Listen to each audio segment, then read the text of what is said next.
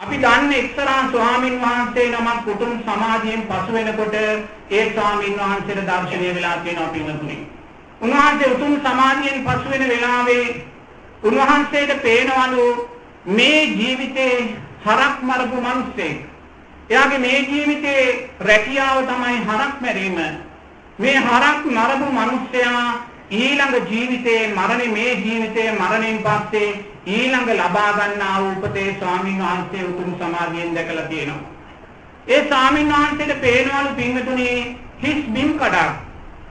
ඒ හිස් බිම් කඩේ තියෙනවලු අඩි 10ක් මීටර් 10ක් වගේ උස ලීයක් හිටබලා. අපි කියමු ඒක පොල් මේ පුවක් ගහක් වගේ දෙයක් කියලා හිටවලා තියෙනවලු. මෙන්න මේ පුවක් කඳේ එක පාට පිංගතුනේ හරකෙක් දිගේලි කරලා ඉන්නවලු. මේ කර්මය කර්මඵල විපාක දෙන්නා වූ ස්වභාවයේ තියෙනා වූ භයානක භාවය. මේ කණුවේ දිගේලි කරලා ඉන්නවා පිංගතුනේ හොඳ පුෂ්ටිමත් හරකෙක්.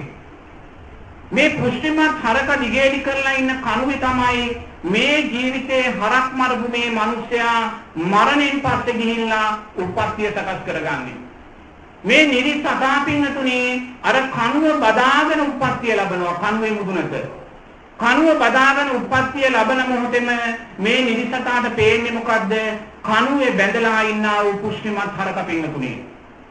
හරකයි පේන්නේ. හරක පේනකොට ඒ ස්වාමින් වහන්සේ කියනවා මේ නිරිසතා එක මොහොතින් hina වෙනවා කියලා. මොකද මෙයා හරක් මරපු සංඥා තියෙනවා හරක් මස් වලට කැමති සතුන් මරීමට කැමති. එනිසා හරකා දකින මොහොතේම මේ නිරිසතාට සිනහ පාල වෙනවා කියනවා. නමුත් මේ සිනහව මූණෙන් මැකී යන්න දෙන්නේ නැහැ. මේ මූණෙන් මැකී යන්න ඉස්සෙල්ලා ඒ ස්වාමීන් වහන්සේ කියනවා පින්වතුනි මේ හරකා ඉස්සරහා දෑන් දෙක ඉදිරියට ඔසවලා කෙලින් වෙලා නිරිසතෙක් බවට පත් වෙනවලු. නිරිසතෙක් නෙමේ යමපල්ලෙක් බවට. දැන් මෙතන හරක නැහැ. මුලින් හරකාව තමයි යා දැක්කේ.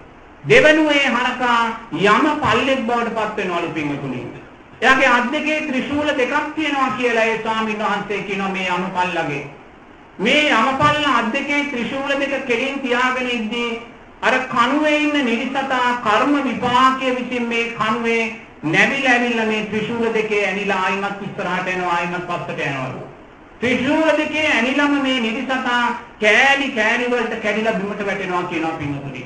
හරකෙක් මරල යම්සේද බොකු බැඩවැල් මස් කටු වශයෙන් වෙන් කරන්නේ අර නිසතාර ත්‍රිශූල දෙකේ ඇනිලා ඒ ආකාරයෙන්ම මස් කෑලි කපලා බිම දාලා කියන වගේ පල්ලෙහාට වැටිලා නැවත වතාවක් පින්නතුනේ මිය මිය පරලෝ යනවා කියන්නේ. එතන බලන්න මේ සත්ව ඝාතනයේ තියෙනා වූ බරපතල භාවය. මේ නිවිසතා ආයිමත් පින්නතුනේ මැරුණට පස්සේ ආයිමත් ඒ කණුවෙන් උප්පත්තිය ලැබනවා කියනවා. එයා දන්නේ නැහැ මේ ඉස්සෙල්ලා තමයි මෙවැනි දුකක් වින්දා කියලා. එයා ආයිමත් ඒ කණුවේ උප්පත්තිය ලැබෙනවා. ආයිමත් ඒ කණුවේ දිගේලි කරලා බැඳපු හරකෙක් ඉන්නවා. ආයිමත් අර දිගේලි කරපු කණුවේ ඉන්න හරකා යමපල්ලෙක් බවට පත් වෙනවා මේ කණුව යමපල්ලගේ ඇඟට වැනෙනවා ත්‍රිශූලෙන් කුඩු වෙලා බිමට බැටිලා ඒ විදිහට පින්තුණි මැරෙමින් නිපදෙමින් මැරෙමින් නිපදෙමින් අප්‍රමාණ වූ දුකක් විඳිනවා කියලා කියලා බලනවා.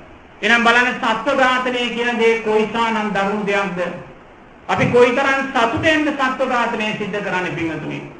ඒ නිසා සත්ව ඝාතනය කියන කාරණය මේ ආකාරයෙන් බරපතල විපාකයන් සකස් කළ දෙයක් කියලා බුදුරජාණන් වහන්සේ දේශනා කරනවා.